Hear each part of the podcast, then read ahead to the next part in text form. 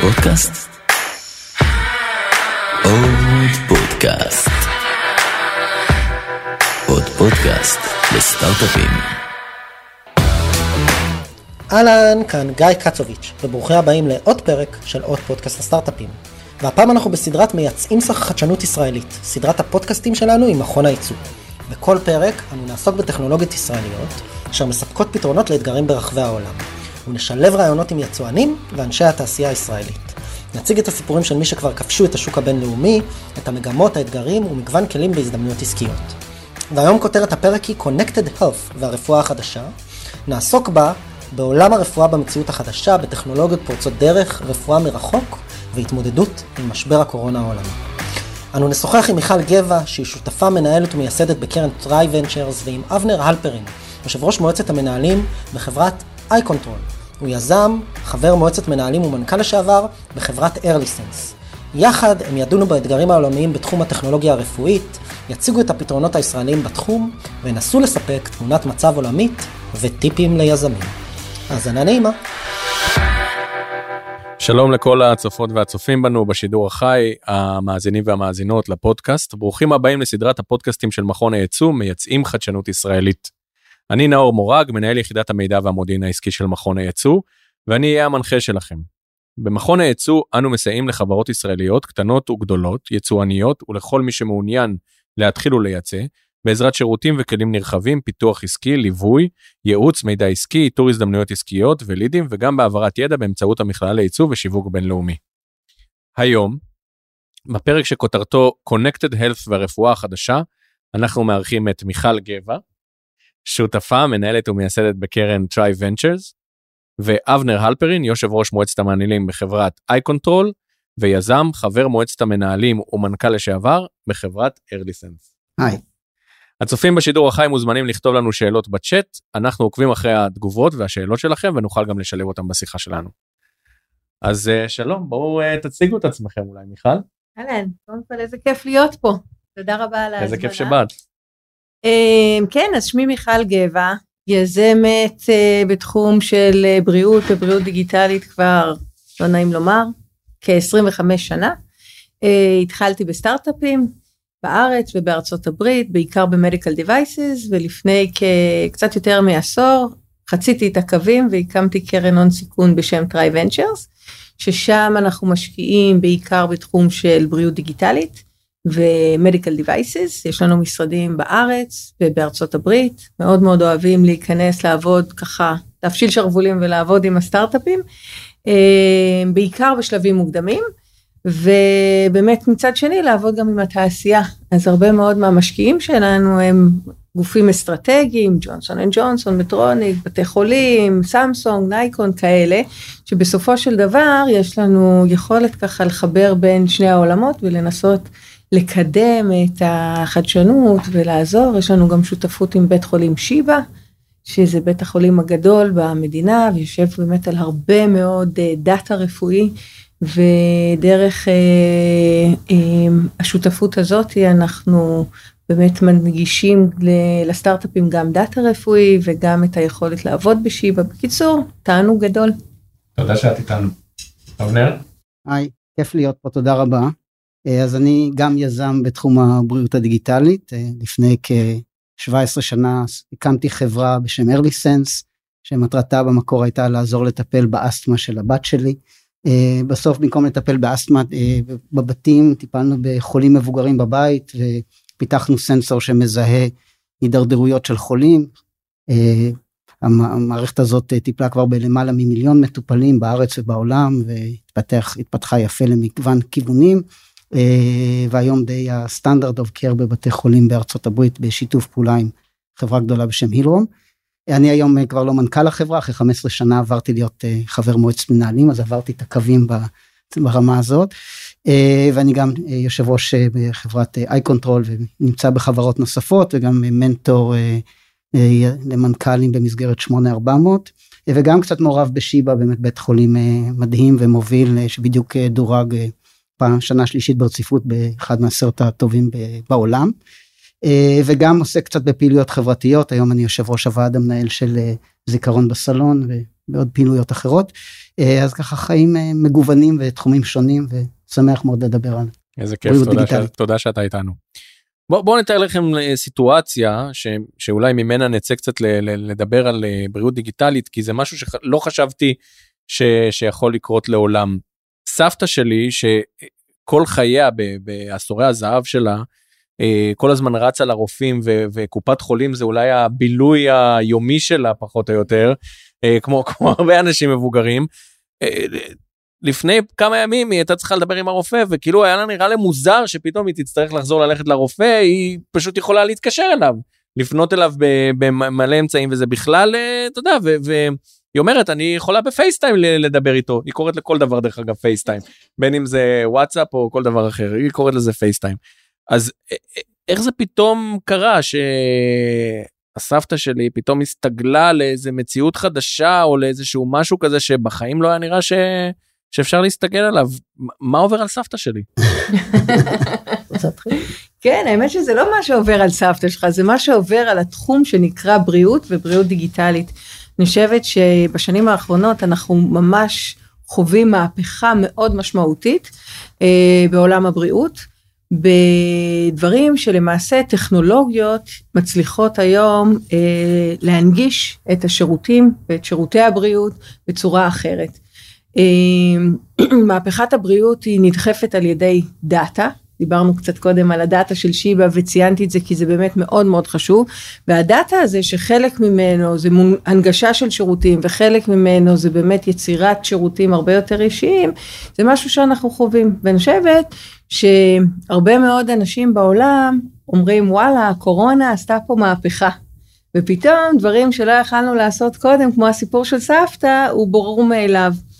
אז לצערי הקורונה לא עשתה מהפכה אבל אין ספק שהיא האיצה את הדבר הזה בצורה מאוד מאוד מאוד משמעותית. אה, תחום הבריאות הדיגיטלית עוד לפני הקורונה בסוף שנת 2019 צפוי היה לגדול בערך פי חמש בחמש שנים הקרובות. תחשוב רגע כמה פעמים אנחנו עומדים לפני תעשייה שהולכת להכפיל את עצמה בצורה כל כך משמעותית בפרק זמן כל כך קצר. ואז באה הקורונה. והאיצה וגילחה, אני חושבת, עשור של בעיות אינטגרציה. כי לפני הקורונה באמת היו את התשתיות האלה, נכון? טלרפואה זה לא דבר חדש, לא בארץ ולא בארצות הברית. אבל פתאום באה הקורונה, נסגרו בתי החולים, המבוגרים ובכלל האנשים ישבו בבית, ואז היה מין, אין מנוס, חייבים להיכנס ולקפוץ למים, וקרו שני דברים, אחד המטופלים הרגישו פתאום נוח עם זה, נכון? סבתא פתאום זה נראה לה מובן מאליו. כן, לא, הר- היה, לה- לא היה להם ברירה. בדיוק. הרופא, שרבים מהרופאים, דיברתי איתם קודם, אמרו, כן, אבל אתה יודע, אני צריך למשש, אני צריך לבדוק, אני צריך להקשיב ללב, אני צריך ל... פתאום הבינו ש-90% מהמטופלים שלהם הם יכולים לראות בזום וזה עושה את העבודה. ומצד שלישי, המבטחים וקופות החולים מבינים שזה לא רע בכלל, זה מעלה את היעילות, זה מעלה את ה-customer satisfaction, כולם מרוצים, זה מוזיל כעלויות, ונוצרו סביב זה למעשה מודלים עסקיים חדשים. וזה מה שקרה לנו, זה מה שבאמת אנחנו רואים בעולם כולו, אם תיקח את הנושא ספציפית של טלרפואה, דוגמת סבתא, בארצות הברית לפני הקורונה זה היה בערך עשרה אחוז, באמצע שנה שעברה, באמצע 2020 זה כבר הגיע ל-50 אחוז אה, מהאנשים רואים את הרופאים שלהם אונליין, קרי ב... ב... ב... בפייסטיים. בפייסטיים של סבתא, ו... אה, וכולם מאוד מרוצים על זה, וזה אני חושבת רק השלב הראשון של הנגשת הנתונים, כי זה נדבך ראשון במין קומות כאלה שנראה עוד ועוד דברים. אז אבנר, כאילו קופות, קופות החולים הולכות לסגור את הסניפים? ההפך, זאת אומרת, אנחנו נראה הרבה יותר קורה בקופות החולים והרבה פחות קורה בבתי החולים. אה, מי, מי שיקטן משמעותית זה דווקא בתי החולים. אה, בית חולים זה בעצם משהו של העבר במידה רבה.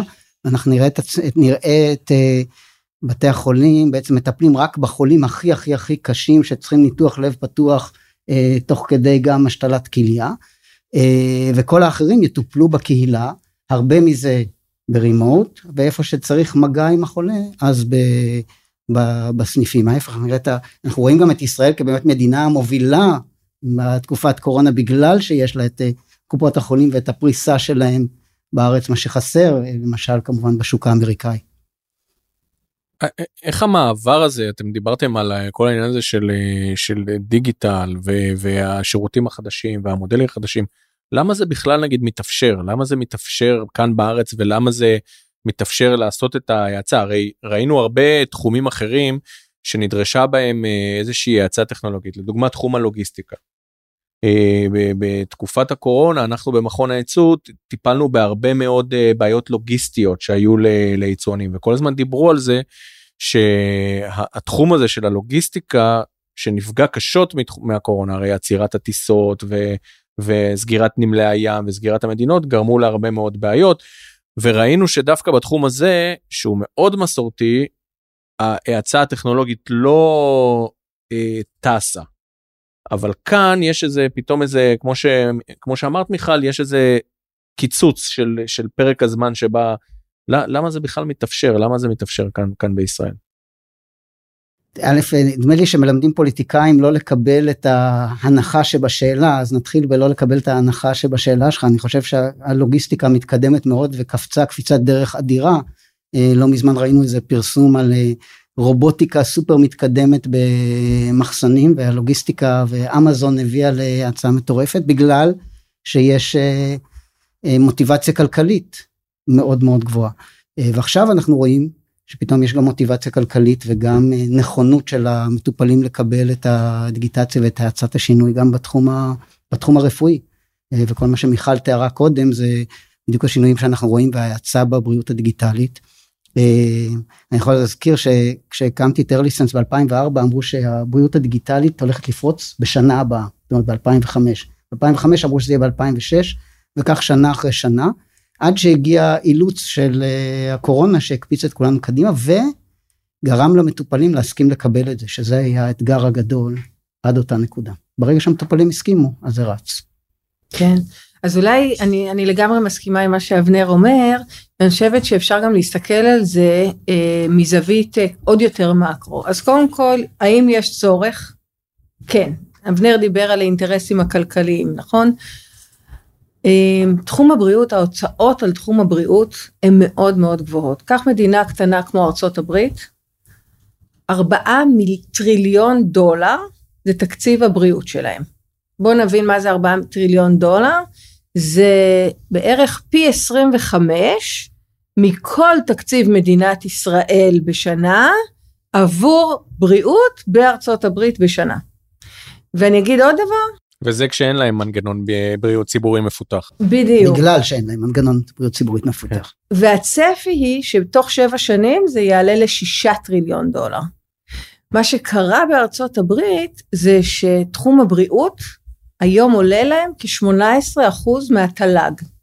משהו מטורף. רוב המדינות, גם העשירות בעולם, הן עומדות על סדר גודל של חצי מזה, בערך בין 10-9 אחוז אנחנו בישראל משקיעים 7 אחוז, 7 וחצי אחוז לעתים, מהתל"ג שלנו בתחום הבריאות. אז מדינה כמו ארצות הברית, שזה שוק היעד הגדול, קודם כל יש לה צורך אדיר בלנסות להוריד את העלויות של מערכת הבריאות, כי זה פשוט לא unsustainable, הג'יני יצא מה, מהבקבוק.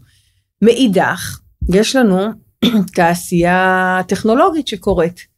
ואם דיברנו קודם על דאטה, נכון? ואנחנו יודעים שדאטה זה משאב מאוד מאוד משמעותי שגורם גם בתעשיות אחרות לעשות disruption מלא, למעשה תחשבו כמה דאטה יש לנו בתחום הבריאות, נכון? תחשבו כשמדינת ישראל הייתה המדינה הראשונה בעולם שהמירה את מסדי הנתונים שלה מאנלוגים לדיגיטליים, זה היה לפני 25 שנה. רוב המדינות המתועשות, אפילו ארצות הברית, עשתה את זה בשש, שבע, שמונה שנים האחרונות. אז קודם כל זה עונה על חלק מהשאלה שלך, למה ישראל ולמה בכלל אנחנו כל כך מיוחדים.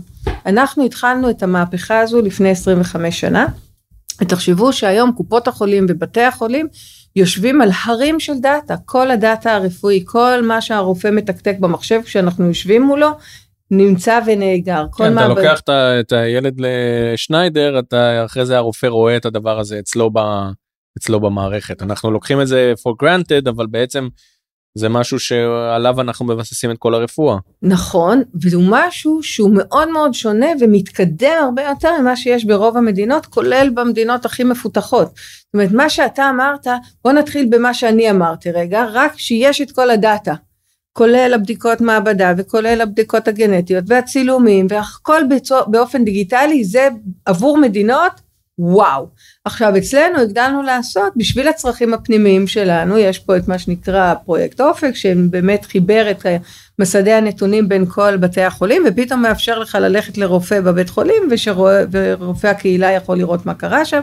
זה בכלל כאילו הם רק מריירים על זה נוזל להם מריר רק מהמחשבה הזאת וכתוצאה מזה אנחנו במדינת ישראל הפכנו להיות צרכנים מאוד גדולים של בריאות באופן דיגיטלי. היום, נכון, אנחנו עושים את הבדיקות קורונה, אנחנו מתאמים לעצמנו את התור באפליקציה, אנחנו מקבלים את התוצאות באפליקציה, אנחנו מבקשים מהרופא משהו, אז זה גם כן צ'אט עם האפליקציה, או צ'אט עם הדוברת של מכבי או לאומית, אה, ואנחנו צרכנים מתקדמים של הדבר הזה. אמ, ולמעשה זה הופך השילוב של פיילוט אה, אפשר לעשות פה פיילוטים מאוד מאוד משמעותיים כי אנחנו צרכנים כאלה. אנחנו יש פה data גדול ויש פה מצבור של כוח אדם מדהים שיודע לעבוד עם data נכון? לא רק אותם אנשים מדהימים מתחום הרפואה שבאמת אותם רופאים ומהנדסים שיצרו לנו טכנולוגיות בתחום של הבריאות שזה תעשייה מאוד מתקדמת פה אלא בשנים האחרונות אנחנו רואים צונאמי של של אה, טאלנטים של אנשים שבאים מתחום הטק. תחשבו על כל אותם יזמים שהתעסקו עד היום בסייבר או ב big data או ב cloud computing ופתאום במה יש להם? הם יודעים לעבוד עם data גדול עם big data נכון? פתאום נפתח להם עולם ומלואו חדש ומגוון ומלא משמעות ומלא יכולת לעשות השפעה מעבר להוריד עוד רינגטון אה, יותר מהר אז אנחנו רואים פה צונאמי של חבר'ה מאוד מאוד חזקים ומאוד מנוסים בעבודה עם דאטה שנכנסים לעולמות התוכן האלה וישראל הפכה להיות אמ, מעצמת בריאות דיגיטלית היום אנחנו נחשבים כהאב השני בגודלו בעולם בתחום של סטארט-אפים בבריאות דיגיטלית מיד אחרי סיליקון וואלי. מהמם אבל מי, מי שומר עלינו מפני כל הדבר את אומרת יש כאן מלא ערים של של דאטה והדבר הראשון שעולה לי בראש שאת, שאת אומרת את זה זה כאילו תכלס כל המידע הרפואי של כולנו נמצא שם ואפשר לקחת אותו יחסית די בקלות אה, אנשים אה, באים עם אה, אותו צונאמי גל של אנשים שמגיע ועובדים על הדאטה הזה ונחשפים אליו וזה מה מה, מה קורה כאן יש. אני אני מצד אחד רואה כאן כ, כאדם שמתעסק ב, ב, מודיעין עסקי ובאיתור הזדמנויות ואיתור איומים אני רואה פה גם את זה וגם את זה. מה מה מה מה קורה כאן איפה ההזדמנויות ואיפה האיומים. אז בדיוק כמו שאתה אומר יש גם הזדמנויות וגם איומים. אה, כל החיים הבריאותיים שלנו הם דיגיטליים ואונליין כל החיים שלנו הם אונליין. דיברנו לפני תחילת הפודקאסט על זה שכשאתה הולך ברחוב בעצם כנראה מצלמים אותך אה, כל אחד מעלה בפייסבוק וברשתות האחרות את כל מה שהוא עושה אז הכל וכמובן הבנקאות והכספים שלנו וכל דבר בחיים שלנו היום נמצא אונליין. וברגע שאנחנו עושים את הדברים אונליין אנחנו קודם כל לוקחים סיכון כי ברגע שזה אונליין אז אפשר לפרוץ ולהוציא את ה data. ומצד שני אף אחד מאיתנו לא חושב לחזור לניירות לא בבנק ולא בביקור אצל הרופא. עכשיו ברפואה זה עוד נהיה יותר מורכב כי מצד אחד הדאטה מאוד רגיש מצד שני הוא מציל חיים והוא מבחינת כמו שמיכל אמרה בישראל הוא גם מציל חיים וגם הוא משאב לאומי שמקפיץ את הכלכלה שלנו קדימה ומאפשר לנו להיות מובילים עולמית. אז אנחנו צריכים מצד אחד להגן על הדאטה ומצד שני אה, אה, סליחה איך זה דוחף אותנו כל הדאטה הזה איך זה מניע את הכלכלה. א' כולנו יושבים פה אה, מחוסנים בגלל data בוא נזכור את זה. כל הקולגות שלנו בארצות הברית מיכל שאנחנו מדברים איתם נדהמים מזה שישראל אה, כולה ישראלים כולם מחוסנים למה אנחנו מחוסנים למה פייזר נתנו לנו אה, את החיסונים אנחנו כי, יודעים את זה. כי הממשלה ביקשה מהם יפה? כי הממשלה ביקשה מאוד יפה והתקשרו כמה פעמים גם. ולא ניגע בפוליטיקה אבל בעיקר בגלל שישראל אה, הסכימה לשתף נתונים על כלליים על מה תהיה המשמעות וישראל היא בגודל של המקום מושלם להיות beta site ברמת המדינה. אה, וזה מה שקורה, אנחנו היום beta site ברמת המדינה, ואנחנו כולנו יושבים פה, וכולנו יכולים היום ללכת למסעדות אה, מהשבוע האחרון, בגלל ה data. אז זה היתרונות, שלא לדבר על זה שכספים נכנסים פה להשקעות וכולי בסטארט-אפים, כמו שמיכל הזכירה, בגלל שהם יכולים לגשת ל data של קופות החולים וכולי. מצד שני צריך להגן על הדאטה. וזה אה, עניין מאוד רגיש. יש חברות שאגב אנחנו מכירים כמה מהן ומיכל גם מושקעת באחת מהן שעוסקות בדיוק בתחום הזה של להגן על הנתונים. וכל המשחק הוא כל הזמן מצד אחד להגן ומצד שני לפתוח. אה, ואת זה אפשר לעשות על ידי כך שניתן לגורמים שצריכים את הנתונים רק את המידע הלא, הלא מזוהה. וזה לא כל כך קל לעשות כמו שזה נשמע, אבל יש היום כלים לעשות את זה, וישראל יכולה להוביל גם בפיתוח הכלים שמנגישים את הדאטה, ולשם צריך ללכת. לגמרי, אני חושבת שצריכים להבין וצריכים אולי לוודא שהקהל מאזינים שלנו מבין, כשאנחנו מדברים על הדאטה, אנחנו לא מדברים על הדאטה של מיכל גבע או של אבנר הלפרין. אנחנו מדברים על דאטה שקודם כל מוחקים את כל האלמנטים האישיים, והרבה מאוד מהחברות מסתכלות על מה שנקרא population data. זאת אומרת, קחו לדוגמה את דוגמת החיסונים שדיברנו עליו קודם. באמת ישראל הפכה להיות מדינת פיילוט ברמה עולמית בגלל שאנחנו קטנים ובגלל שיש לנו רפואה דיגיטלית ואנחנו מאוד מהירים ויש לנו את התשתיות לזה, אבל מדינת ישראל גם התחייבה לחלוק מידע עם פייזר, עם מודרנה, עם ה-World Health Organization אמ, לגבי, ה, לגבי האוכלוסייה כולה. זאת אומרת, לא כל אחד ואחד איך הוא, איך הוא חש, או מה היו הסימפטומים, אבל בהחלט אפשר לקחת את הדאטה של האוכלוסייה ללא האינפורמציה האישית ולנתח אותו ולראות כמה אנשים עם אה, תופעות לוואי אה, היו להם גם אה, מחלות אחרות. וברגע שיש גילאים, דאטה איזה... היסטורי אז גם כאילו להגיד אנשים שיש להם את ה... הרקע הרפואי הזה והזה היו חשופים יותר לתופעות לוואי כאלה. נכון. וברגע שיש את הדאטה הגנטי אז אפשר גם להשוות, להגיד לאנשים שיש את הגן הזה והזה, הם יכולים להיות יותר חשופים לטיפול כזה, יותר בסיכון לטיפול מסוג א', וטיפול מסוג ב' יכול מאוד להצליח. זה מצד אחד עוד פעם הזדמנות אדירה, כי זה אומר שאני אקבל עכשיו תרופה לא אחת שמותאמת לכלל האוכלוסייה, אלא זאת שמותאמת לגנום האישי שלי, ולכן היא תהיה דרמטית יותר יעילה. מצד שני הגנום יש בו אלמנטים מזהים ולכן זה דורש הרבה מאוד תחכום ויכולות טכנולוגיות מתקדמות לאפשר את הערך המוסף החיובי של הקדמה והטיפול הגנטי עם ההגנה על הפרטיות ועל זה צריך להמשיך לעבוד ולפתח. ציינת את, ה...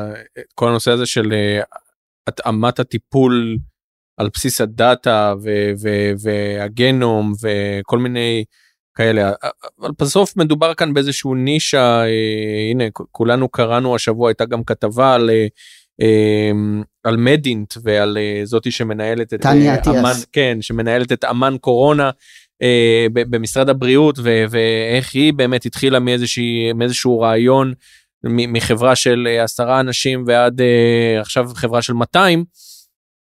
אבל בסוף יש כאן איזשהו נישה שהיא יחסית מצומצמת זאת אומרת זה אבל למה ב... אתה אומר נישה? לא, אני אומר ספציפית בנושא הזה של נגיד... אה, אה... רפואה איש, מותאמת אישית. כן. אז תרשה לי אבל לחלוק רגע קדימה, לפני. קדימה, בשביל זה אנחנו פה. אוקיי, אז אני טוענת שרפואה מותאמת אישית היא לא נישה בכלל. אוקיי. היא תהיה, לא היום ולא מחר, אבל עוד שלוש שנים ועוד חמש שנים. שלוש חלק... שנים זה מחר. חלק אינטגרלי מכל הרפואה, מכל צורכי הרפואה שאנחנו נצרוך אותם.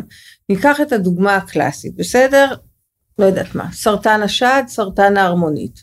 סרטן השד יש למעלה מ-60 פרוטוקולים של טיפול, ואותו דבר גם סרטן ההרמונית. איך בסופו של דבר הרופא יודע לומר לי איזה טיפול אני צריכה לקבל? בסופו של דבר אנחנו לצערי יודעים, זה קצת ניסוי וטעייה. ששליש מהאנשים הטיפול עובד עליהם, שליש מהאנשים הטיפול לא עובד עליהם, ושליש מהאנשים הטיפול עושה להם תופעות לוואי גם שגורמות לבעיות אחרות. איך אנחנו יכולים להגיע למצב שבו אנחנו נוכל להעלות את סיכויי ההצלחה של הטיפול האישי אליי. עכשיו אני רוצה, לפני שאני עונה על זה, אני רוצה לקחת אותך לעולם תוכן אחר. לגמרי לא קשור לרפואה, אבל בואו ניקח חברה קטנה כמו פייסבוק. מה הם עושים? אוספים עלינו data ומוכרים אותו. נכון, אז לפני שהם מוכרים אותו, הם, הם בסופו של דבר, נכון, הם אוספים עלינו המון המון המון data. אני חושבת שגם אם אני פרופיל בפייסבוק וגם אם אני, אין לי פרופיל בפייסבוק, יש להם בערך עשרת אלפים קטגוריות שהם מקטרגים אותי. נכון. ואז הם אומרים, איך אנחנו נביא למיכל את הפיד שהיא תצרוך בו יותר קליקים? אנחנו יודעים עליה הרבה, אבל בואו נעשה חיתוך של עוד 100 אלף מיכליות אחרות, שנראות בפרופיל שלהם כמו מיכל, ואנחנו נראה מה הן אהבו, ואז אנחנו נביא את זה גם לפיד של מיכל. בסדר? ככה זה עובד, ככה האלגוריתמים האלה עובדים. וככה הם כל הזמן מטייבים. עכשיו נחזיר, נחזור לעולם הרפואה. תחשוב כמה דאטה רפואי יש לקופת חולים. מהרגע שנולדתי עד היום יש להם אוספים עליי דאטה וב-25 שנה הם גם דיגיטליים כך שבלחיצת כפתור הם יכולים לעשות כל ניתוח שהם רוצים. עכשיו חס וחלילה אני חולה באיזושהי מחלה וצריכים לבחור, אני יכולה להגיד תנו לי לא רק מה יעבוד על מיכל, תנו לי עוד עשרת אלפים מיכליות כמוני, שזה לא רק הגיל, הפרופיל המוצא שלי והחתך הסוציו-אקונומי, עוד הרבה מאוד פרמטרים חשובים, ובואו נראה עוד עשרת אלפים אנשים שעברו טיפול X, Y ו-Z, ונראה לפי זה איזה טיפול יעבוד הכי טוב למיכל. וזה נכון לסרטן, וזה נכון למחלות כרוניות, וזה נכון למתי לאשפז אותי, ונכון מתי להוציא אותי, וכשמוציאים אותי הביתה, איזה טיפול אני צריכה לקבל בבית, בשיקום, בבית אבות, כל הדברים האלה שלמעשה אם אתה מתחיל לפרוט את זה, אתה מבין שכל הנתונים האלה, כל הדרך שאנחנו נצרוך את הרפואה שלנו, הוא יהיה הרבה יותר מותאם אישית למטופל, מבוסס על דאטה שנאסף עליו ועל חולים אחרים. אז לכל רופא בצד יהיה רובוט? אמ, כן, א', אני מסכים עם כל מה שמיכל אמרה, זה ההתאמה האישית. את, אתם יותר מדי מסכימים. כן, אני מצטער, רציתי נמצא תכף מה, לריב, אבל uh, ההתאמה האישית מעלה את היעילות של הטיפול בצורה דרמטית, ואנחנו חייבים להעלות את היעילות של הטיפול, כי מצד אחד, כמו שמיכל הזכירה, העלויות הן קטסטרופליות, וגם בגלל ש... אין לנו מספיק ידיים עובדות לטפל בכל האוכלוסייה המזדקנת בעוד כמה עשרות שנים, אז לכן אנחנו צריכים מערכת הרבה הרבה יותר יעילה, ואת זה עושים על ידי כך שאתה תופר לכל בן אדם את הטיפול המתאים לו, לפני שנחשוב אם זה עושה את זה רובוט או בן אדם, אבל פשוט לתפור את הפתרון. רק עוד דוגמה אה, אולי צבעונית, אה, אה, מה שמשפיע על יעילות הטיפול זה לא רק האפקטים האישיים שלנו והגנית, והגנטיקה שלנו, אלא אפילו הבקטריות שיש לנו במעי, מה שנקרא מיקרוביום. היום יודעים שגם מה שאנחנו צריכים לאכול וגם היעילות של תרופות מושפעת מאותן בקטריות שחיות לנו במעי, ויש תרופות סרטן שיכולות להתאים לי ולא להתאים לך ולהפך, ורק בגלל שיש לנו אה, בקטריות שונות בבטן, ועל ידי השתלה של אותן בקטריות אנחנו יכולים להפוך תרופה לא יעילה לתרופה אה, כן יעילה. ובדרך הזאת שאנחנו נדע לתפור לכל אחד את הטיפול המתאים לו, אנחנו מקפיצים את, ה, את הרפואה למקום שבאמת uh, uh, personalized medicine או precision medicine כמו שאוהבים להגיד היום. ובדרך אפשר להשתמש גם ברובוטים אבל זה רק עוד כלי עבודה. אז, אז אנחנו מבינים שבכל נושא, בנושא הזה של הדברים שכיסינו עד עכשיו הגנת המידע והשימוש שלו, אה, כל נושא של AI ו-Cloud אה, Computing וכל נושא הזה כדי לאבד מידע. דיברנו על רפואה מותאמת אישית, זה, זה הכל מקומות שיש בהם הזדמנויות, איפה יש עוד הזדמנויות בעולם הזה של, של Connected Health? אז בוא ניגע בכל זאת עוד רגע בנושא הרובוטיקה. אה, יש מחסור קריטי בידיים עובדות בלטפל בחולים.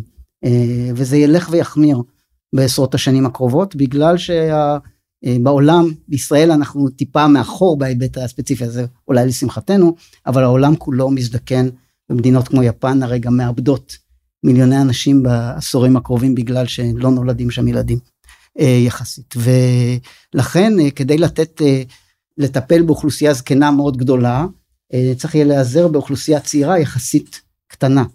אה, ובמקום הזה יהיה מקום לכלים אה, רובוטים גם פיזיים שעושים את הטיפול או את הניתוח, כולל ניתוחים בבית מרחוק, וכלה בנושא של בוטים שמדברים איתנו ומנתחים את, ה, את, את מי אנחנו ומה אנחנו ועוזרים לנו לנהל את החיים שלנו מרחוק על ידי כך שהם גם מקשיבים לנו וגם מעבירים לנו מידע בצורה נוחה וזמינה. אז זה סוג, ה... אחד המקומות שיש הזדמנות מאוד גדולה. איפה עוד אתם רואים מהמקום שלכם כיזמים וכמשקיעים, איפה עוד אתם רואים ש... או איפה אתם חושבים ומה מה הכיוונים שאתם הולכים אליהם כשאתם מסתכלים על חברות חדשות שנכנסות לתחום הזה או על רעיונות חדשים שבאים לתוך. לתוך העולם הזה. אז אנחנו לדוגמה, אני מאוד מאמינה בטכנולוגיות שמנגישות. דיברנו על טלרפואה וזה שזה רק אה, קומה, קומה ראשונה. אז קודם כל טכנולוגיות שמנגישות אה, אה, לא רק רפואה, אלא אפילו פסאודו רפואה, בסדר? healthcare, wellness, אה, אבנר דיבר על אה, מה אנחנו אוכלים, אינפורמציה לגבי מה אנחנו אוכלים, ואני חושבת שיש הרבה מאוד אה, יכולת להנגיש אה, את הדברים האלה עד הבית. לדוגמה, קח אה, תחום של אופטומטריסטים, אוקיי? אנחנו השקענו בחברה מדהימה שנקראת 6 over 6 שעושה בדיקת ראייה בטלפון. תחשוב, במקום ללכת לאופטומטריסט, אתה יכול פשוט לקחת תמונה של העיניים שלך, ותוך שניות יש לך את המרשם. חיברנו אותם לחברה אחרת שלנו שנקראת Glasses USA שמוכרים משקפי מרשם אונליין. היום זה אחת החברות המצליחות בעולם בתחום של אה, פלטפורמות, אה, פלטפורמה מכוונת, אה, e-commerce פלטפורם, שמוכרת משקפיים אונליין והם עושים את זה כבר בהצלחה מאוד מאוד גדולה ובסקייל מאוד גבוה.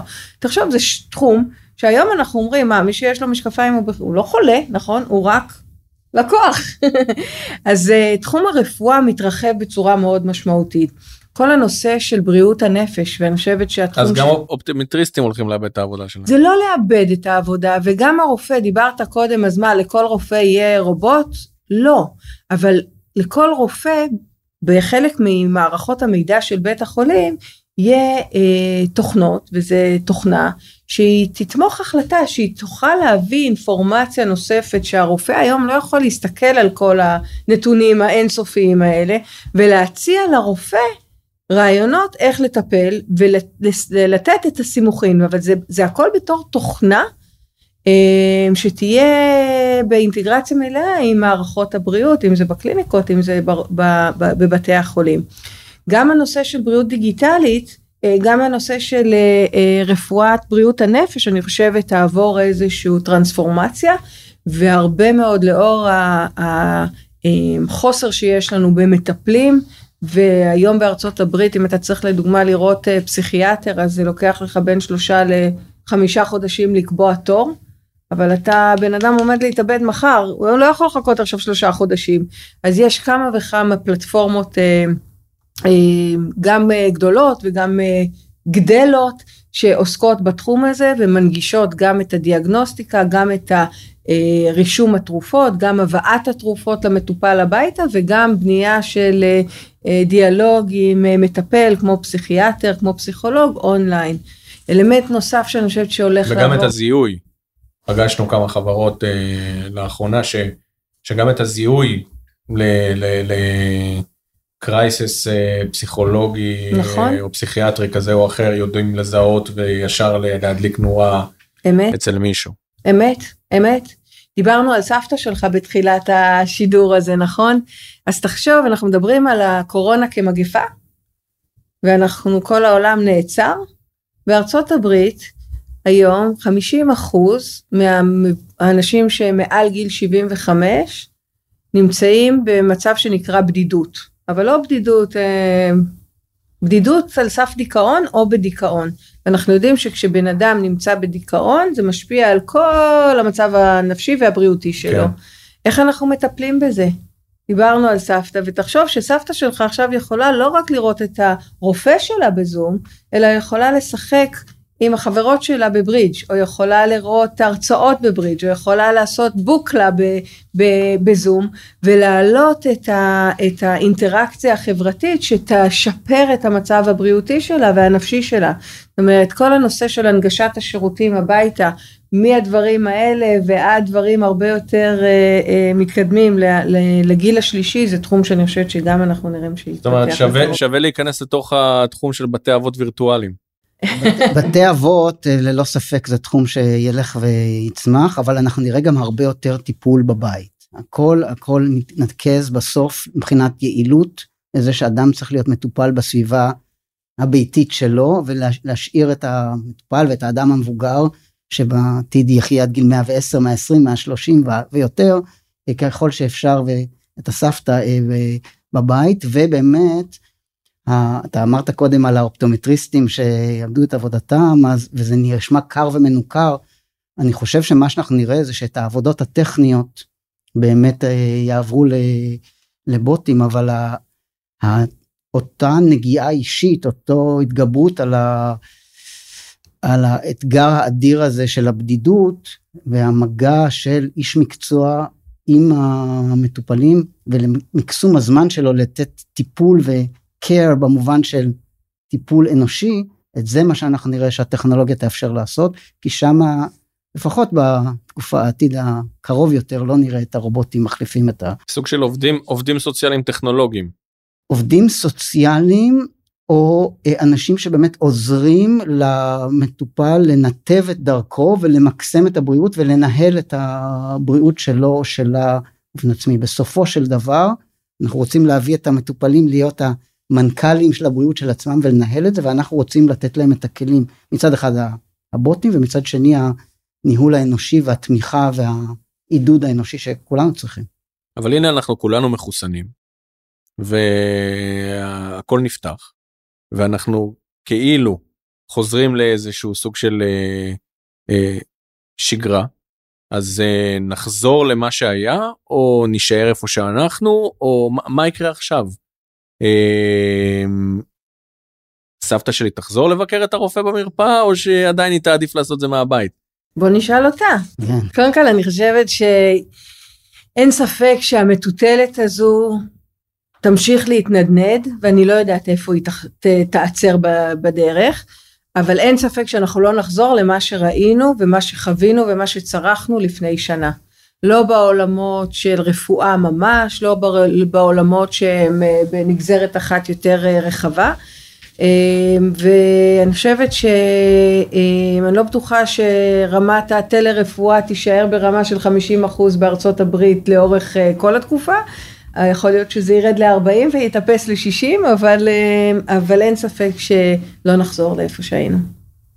כן, אנחנו אנחנו בסופו של דבר ראינו, כמו שמיכל הזכירה קודם, האצה מטורפת במעבר לטלה, ואנחנו נראה את המגמה הזאת ממשיכה. אה, אבל אנחנו גם נראה את הרצון לחזור למפגשים אה, אישיים קרובים עוד פעם לאותו עניין של מגע אנושי. אני חושב שאנחנו רואים כרגע צמאון למפגש הבלתי אמצעי הזה, ולכן זה ימשיך לקרות. וה...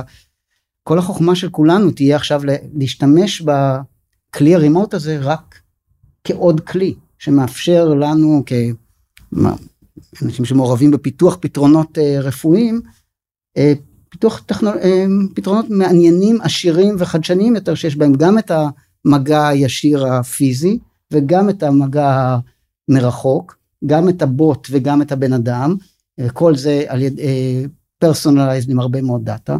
וזה ברור שזה כשיש יותר אפשרויות ויותר כלים אז מגיעים לפתרונות טובים יותר.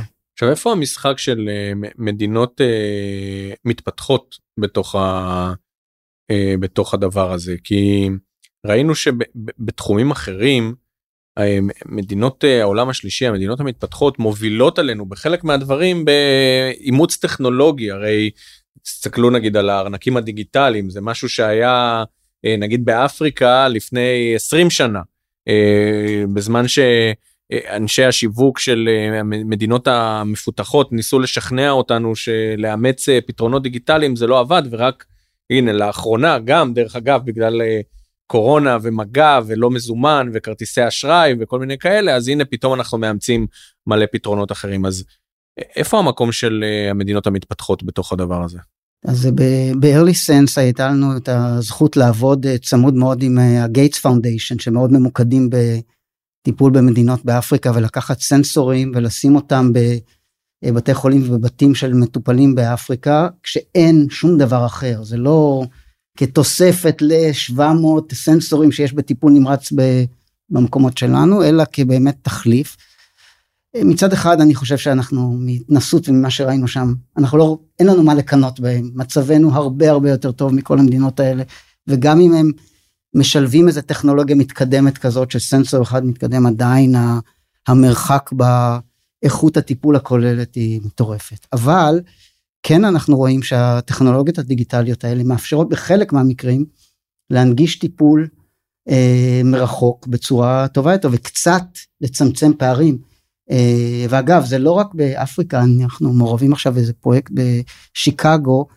בשיקגו אה, במדינה מאוד מתקדמת אה, ארה"ב ב state באילינוי. כשאתה נוסע במרחק חמישה קילומטר משכונת עוני לשכונת לשכונה עשירה אתה רואה את תוחלת החיים משתנה ב-30 שנה. 30 שנה הבדל בתוחלת חיים בין שכונת עוני לשכונה עשירה. ואת הפערים האלה גם אותה טכנולוגיה רימוט אנחנו מקווים תוכל לצמצם.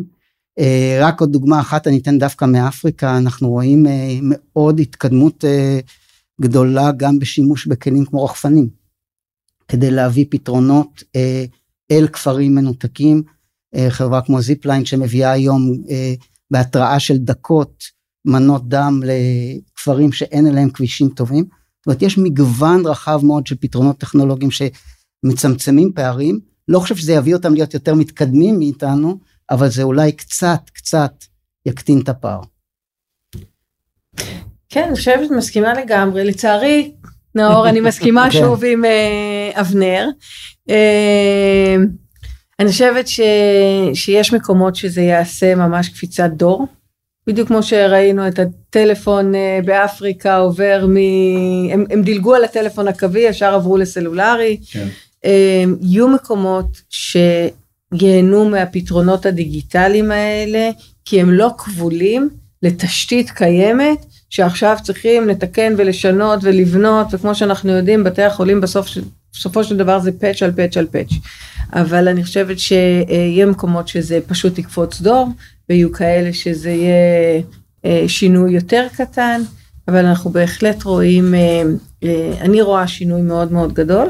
אני חושבת שאחד הדברים המעניינים שקורים ב, ב, בעולם הזה של בריאות דיגיטלית, ובטח בתקופה האחרונה, שלא רק אנחנו, אנשי הבריאות ואנשי הטכנולוגיה, נהנים ורואים את, ה, את העוצמות ואת השינויים והתמורות, אלא אם מסתכלים לדוגמה על משקיעים, או על חברות הטק הגדולות, איך הם מסתכלים על העולם הזה, פתאום אנחנו רואים בשנה האחרונה, בשנתיים האחרונות, נהירה מטורפת לתחום. אם מסתכלים על כמות הכסף לדוגמה שנכנס לעולם הבריאות הדיגיטלית כהשקעות בסטארט-אפים ובחברות צמיחה, אה, הגענו בשנה שעברה ל-19 מיליארד דולר, שזה היה הרבה יותר מהשנה הקודמת, שזה היה הרבה הרבה יותר משנה קודמת וקודמת וקודמת. לפני עשור, רק שתבינו, זה היה פחות ממיליארד לשנה. פחות, מה זה, לפני שמונה שנים זה היה פחות ממיליארד לשנה. עכשיו פתאום כמעט 20 מיליארד השקעות. אם אתה מסתכל על החברות, אה, עשר החברות הגדולות של ה-Fortune 500 בארצות הברית בסוף שנת 2020, אתה מסתכל עליהם ואומר, תשע מהם יש להם אג'נדות בתחום של הבריאות. כן. ופתאום אתה מבין שזה לא משחק כבר של אוקיי אנחנו פה נורא מתלהבים מעצמנו ומהדאטה אמ, או בתי החולים אה, צריכים איזשהו שינוי. זה אחת התעשיות, תזכרו 19, מילי, 19 אה, אחוז מהתל"ג האמריקאי, זה חתיכת גוש בתקציב שהולך לעבור שינוי. והולך לעבור שינוי הרבה מאוד בזכות טכנולוגיות. ולכן יש הרבה מאוד קופצים על הדבר הזה, אנחנו רואים חברות נכנסות, אנחנו רואים אפילו מבחינת הנפקות, זה מטורף. אם מסתכלים על השנה וחצי האחרונות, היו 20 הנפקות של יוניקורנס, של חברות מעל שווי של מיליארד דולר, בארצות הברית, של חברות שנבנו מההתחלה כ-Native Digital Health. נבנו מהיום הראשון עם הסתכלות של בריאות דיגיטלית. אם מסתכלים חמש שנים אחורה, היו חמש חברות. בין שעה 2013 ל-2018 היו חמש חברות, ובשנה וחצי האחרונות היו עשרים. והחברות האלה נסחרות בשווים מאוד גבוהים.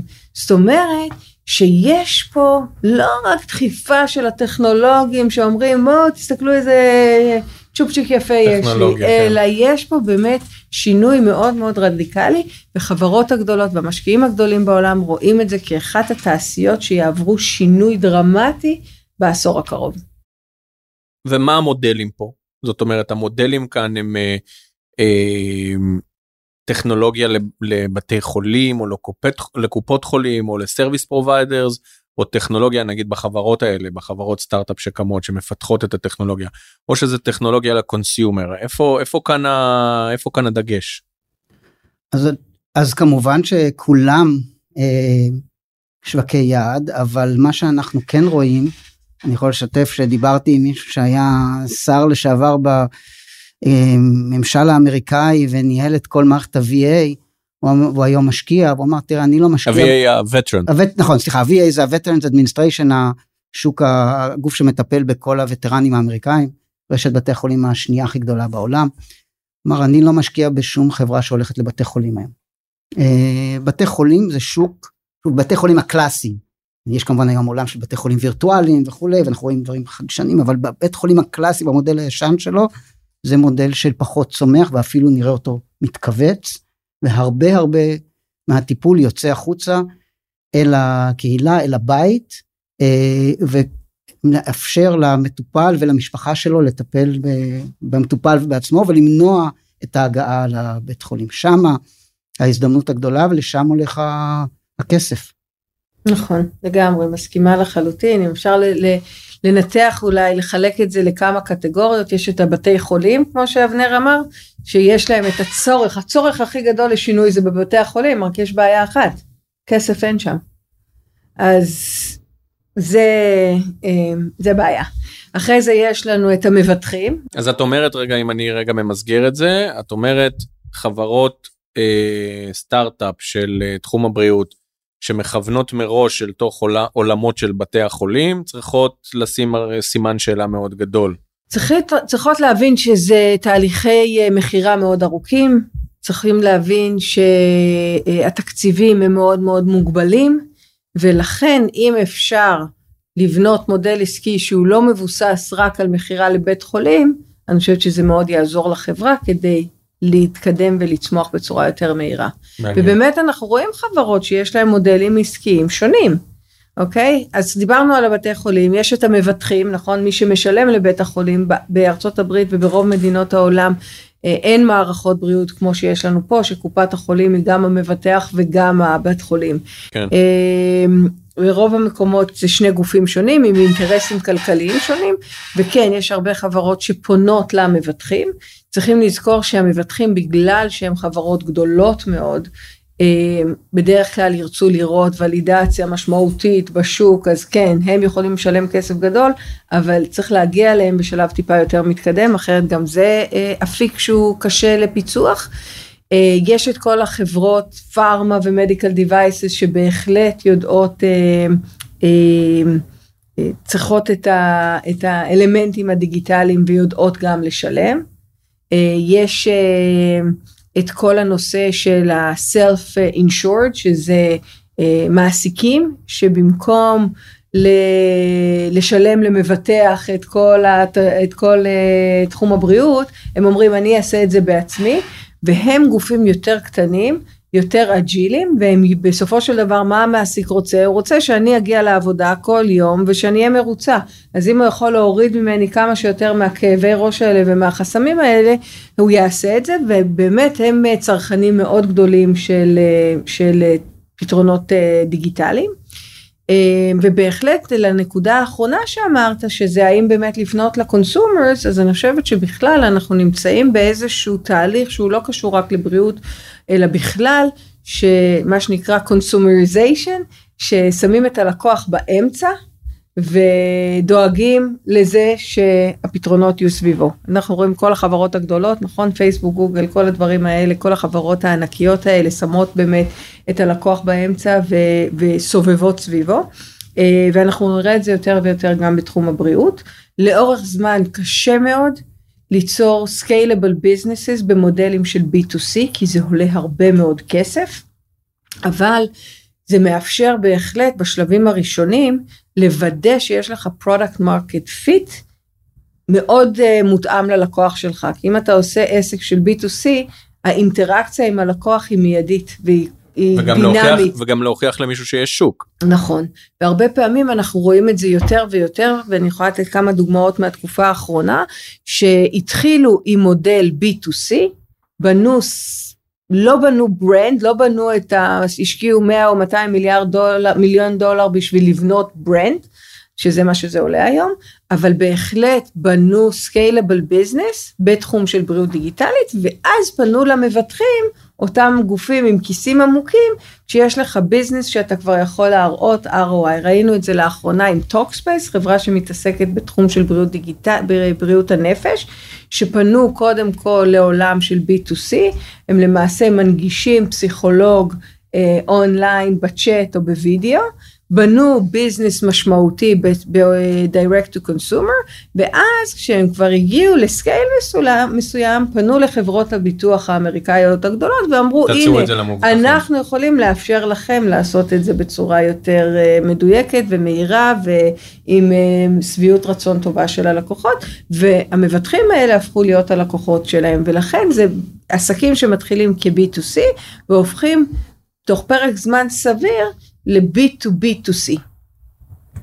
אוקיי? ואת זה אני חושבת שאנחנו נראה יותר ויותר בעולמות האלה. עכשיו אנחנו רואים גם בישראל הרבה מאוד uh, חברות ש, שקמות נגיד ב, ב, באירועים שאנחנו מארגנים נגיד כמו made in Israel ש, שאמור לקרות אוטוטו באפריל נגיד השנה אבל אנחנו כבר ר- רצים עם זה איזה שש פעמים כבר אנחנו רצים מכון הייצור רץ עם האירוע הזה אנחנו נגיד השנה מגיעים ל-90 חברות uh, מתחום הבריאות.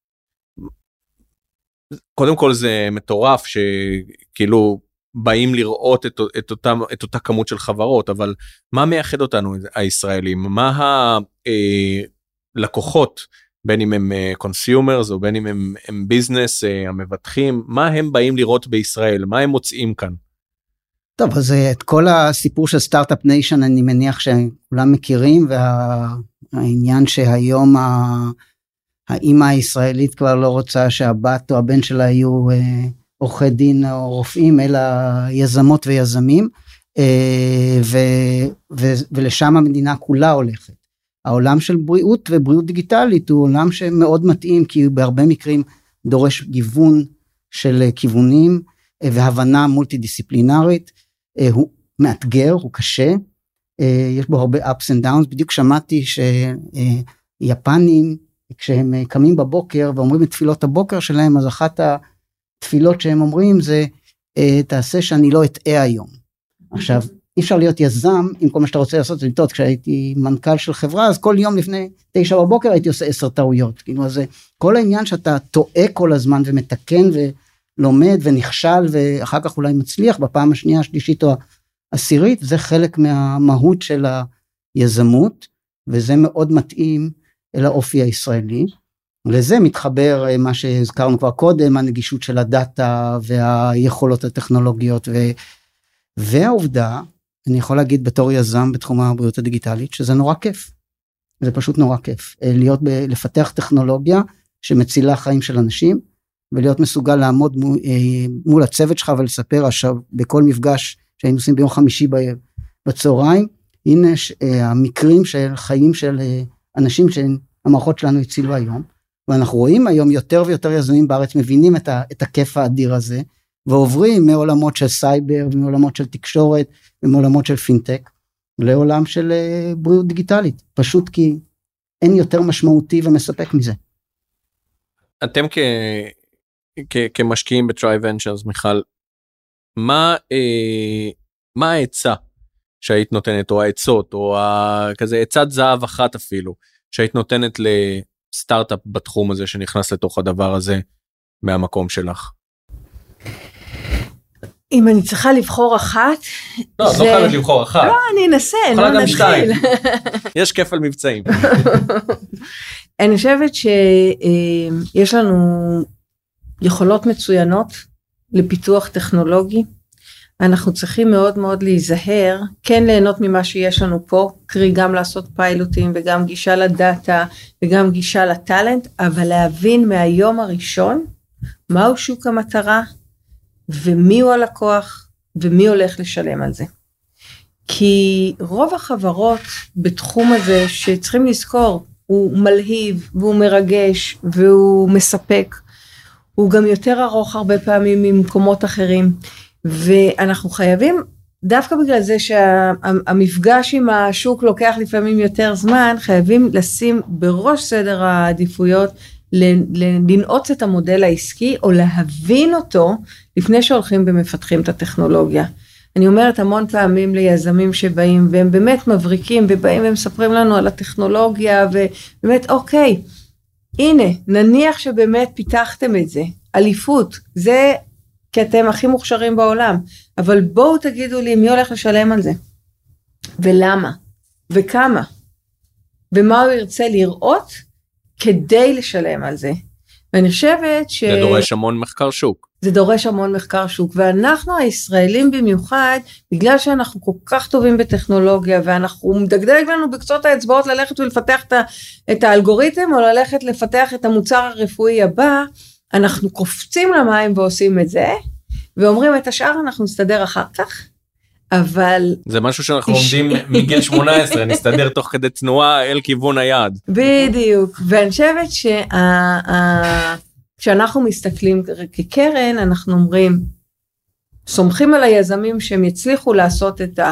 לא, לא יאומן מבחינת הטכנולוגיה, אבל בואו ננסה לפצח ולהבין לעומק את המודל העסקי, גם אם הוא ייקח זמן, אבל נבין אותו, נבין את האינטרסים הכלכליים, נבין למה הם רוצים לשלם ומה הם יהיו מוכנים לשלם, ונוודא שאפשר לבנות מזה scalable business, כי אף מוצר, אף חברה לא תצליח אם לא נצליח לעשות לה scale בסופו של דבר. אבנר, מה לדעתך הדבר המרכזי שסטארט-אפ צריך לקחת בחשבון? אז אני אקח, אה, אני חצי לא אסכים עם מיכל וחצי אסכים. זה הגענו מעניין, לרגע כן. הגדול. זה לפני הכסף, זה באמת ההבנה של השוק, אה, ועוד לפני שמבינים מי משלם למי.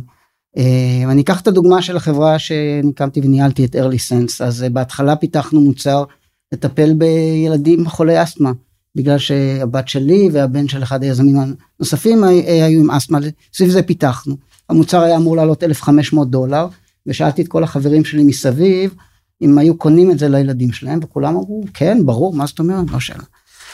אה, ואז כמו שבבוקר ה- אה, שאחרי הבחירות אני מגלה שאני מופתע כי זה שאלתי את כל החברים שלי מצביעים למפלגה מסוימת שאולי לא תעבור את אחוז החסימה וזה לא קורה אה, אז והיא לא מקבלת רוב אז אותו דבר קורה כשאתה שואל את כל החברים שלך פה בארץ אם היו קונים את המוצר. אנחנו לא יודעים מתי אה, אנשים מאזינים לפודקאסט אבל זה יכול להיות אקטואלי כל הזמן. זה יכול להיות אקטואלי כי יהיה עוד אחת כן עוד עוד בחירות תמיד אבל אה, היזם מיכל עם זה אני לגמרי מסכים היזמים בארץ נורא וכולנו כולל אותי נורא נוח להם להתעסק בטכנולוגיה ולהסתובב פה בארץ ולפגוש את הרופאים פה בארץ ולדבר איתם אה, וצריך אה, כשאפשר בימים שהם לא קורונה לחיות על מטוס אה, וצריך לבלות בשוק היעד והשוק היעד כמעט כמעט לכל החברות הישראליות אה, בתחום או לפנות הטכנולוגיה. ליחידת המידע המודיעין העסקי במכון הייצוא. וגם לפנות אה, למודיעין עסקי במכון הייצוא, אבל גם לבלות בשוק היד, להכיר אותו לעומק, להכיר את, ה, את הרופאים, את האחים והאחיות, את הרופאות, את הצוותים, את מי שישתמש במערכת, וגם אחרי זה את מי שישלם, אבל קודם כל את השוק עצמו, לחיות אותו ולהכיר אותו, ואז לתפור את המוצר עבור השוק. מי שלא עושה את זה, מסתכן בלפתח מוצר נפלא, שילך באותה דרך של המוצר אסתמה שאנחנו פיתחנו בתחילת הדרך ב-early. זה מעניין מאוד ומעשיר ואנחנו ממש לקראת סיום ויש חלק ב... שאני אף פעם לא מפספס אותו וזה קצת אה, משחק של, אה, של עתידנות. ואני רוצה לשאול אתכם שאלה שהיא אה, קצת קשה במקרה הזה ש, שזה הופך את הדברים לעוד יותר לעוד יותר מעניינים כי את הקפיצה של העשר שנים קדימה כבר עשינו ב, ב, ב, בשנה וקצת. ואני בכל זאת רוצה לזרוק אתכם על העתיד ולשאול אתכם בהתחשב בכל מה שאנחנו עוברים עכשיו איך אה, העתיד ייראה בעוד 10 15 20 שנה בתחום הזה של הבריאות איך ה-healthcare ייראה. בואו בוא נשחק קצת איזשהו משחק של thinking ו- וננסה רגע לדמיין את המציאות ש- ש- של בעוד uh, 20 שנה. אז uh, בואו נשתולל קצת. תראו uh, קודם כל אנחנו מדברים על מציאות שאנשים חיים עד גיל מאוד מאוד גבוה. בעצם אנחנו יכולים לשלוט כמה אפשר לחיות וזה כמובן מעלה שאלות אתיות מורכבות מאוד. העולם אני קראתי איזה, אני חושב, אה, מאמר של יוב, אה, פרופסור יובל נוח הררי, שהוא אמר שהמקצוע עתיד ללמוד, לא הייטק, לא אה, ביג דאטה, אלא פילוסופיה. העתיד דורש הרבה פילוסופים, כי באמת יהיו פה שאלות פילוסופיות ואתיות מאוד מאוד קשות, איך אנחנו מנהלים עולם שבו אנחנו יכולים לשלוט בכמה זמן אנשים חיים ובאיזה איכות חיים הם חיים לאורך בלתי נשלט, והאם אנחנו מסוגלים לעמוד בזה כלכלית. אה, ואיך אנחנו נותנים לאנשים בגילים מאוד מאוד מבוגרים איכות חיים גבוהה. אה, כש... ואיך אנחנו מממנים את כל זה. ובדרך שאפשר לממן אותה, שזה בדיוק השאלה האתית המורכבת, כי בסוף אתה כבר לא יכול לעמוד בעלויות האלה. אה, ואיך מתגברים על הפער שחלק מהאנשים לא יודעים להסתדר עם הטכנולוגיות המתקדמות, אותו digital divide, נושא סופר מרכזי וקריטי שילך ויחמיר אני חושב עם השנים. מיכל? אחרי אה, כזו, כאלה אמ, אמירות אה, קשה לי לעקוב, אה, אבל אה, בוא נגיד, אני חושבת שאם מסתכלים ספציפית יותר על תחום הבריאות, אז יקרה משהו מעניין, אה, כמו שחברת המלונות הכי גדולה בעולם היום אין לה מלונות, וחברת המוניות הגדולה בעולם אין לה מוניות, וחברת ה... הסרטים הגדולה בעולם אין לה בית קולנוע אחד, אני מדברת על נטפליקס ואובר ו-Airbnb. אני חושבת שלא ירחק היום שבתי החולים הגדולים יצטמצמו ויהפכו להיות, בתי החולים המשמעותיים הם יהיו עם מיטות אה, הרבה יותר מצומצמות, הם יהיו הרבה יותר קטנים. אמ, הרפואה תעבור להיות גם בבית, גם מבוססת מאוד טכנולוגיה. גם מבוססת הרבה יותר uh, VR, virtual reality, אפשר לעשות, נוכל לעשות את הניתוחים גם מרחוק, uh, נוכל לעשות את, ה, את הלימוד של הרופאים גם מרחוק, ואני חושבת שהנושא הווירטואלי יהיה uh, מאוד מאוד משמעותי. ויחד עם זאת, ואולי פה זה מקום טוב לסיים, זה לגמרי לא מחליף את הרופאים. אני חושבת שכל הטכנולוגיות האלה, יאפשרו לרופאים לחזור להתעסק יותר ברפואה שקשורה לאינטראקציה בין אדם ומטופל, אבל יוכלו לבסס חלק גדול מה, מהמידע שהם מקבלים בצורה יותר uh, מובנית ויותר, uh, שכוללת, מונחית על, יותר, על ידי יותר דאטה. היום לצערנו, חלק גדול מהאינטראקציה שלנו מול הרופא, הוא כל הזמן כותב ומתחבא מאחורי המסך של, אה, ומקליד אה, חצי מהזמן את הנתונים, ואני חושבת שגם אנחנו כמטופלים מפספסים מזה, וגם אנחנו, גם הם מפספסים מזה, ואני חושבת שדווקא טכנולוגיות יכולות להחזיר את הפן האישי, האישיותי, האמפתי, שהוא כל כך חשוב באינטראקציה בתחום הבריאות. מעניין. טוב, לצערי נגמר לנו הזמן, אני, אני רוצה להודות לכם על, על הזמן שהקדשתם כדי לבוא אלינו ולדבר איתנו. זה היה מאוד מעשיר למדנו המון אה, דברים שאפילו לא חשבנו ש- שאנחנו יודעים וגם אה, תודה רבה לכם כל הצופים והצופות בלייב והמאזינים בפודקאסט יזמים ויצואנים המעוניינים ליהנות ממגוון השירותים והסיוע שמציע מכון הייצוא. מוזמנים ליצור עמנו קשר באתר האינטרנט שלנו בכוכבית 2078. חפשו את הפרקים הנוספים בסדרה שלנו ועד הפעם הבאה מכאן במכון הייצוא נשתמע. תודה רבה. תודה רבה.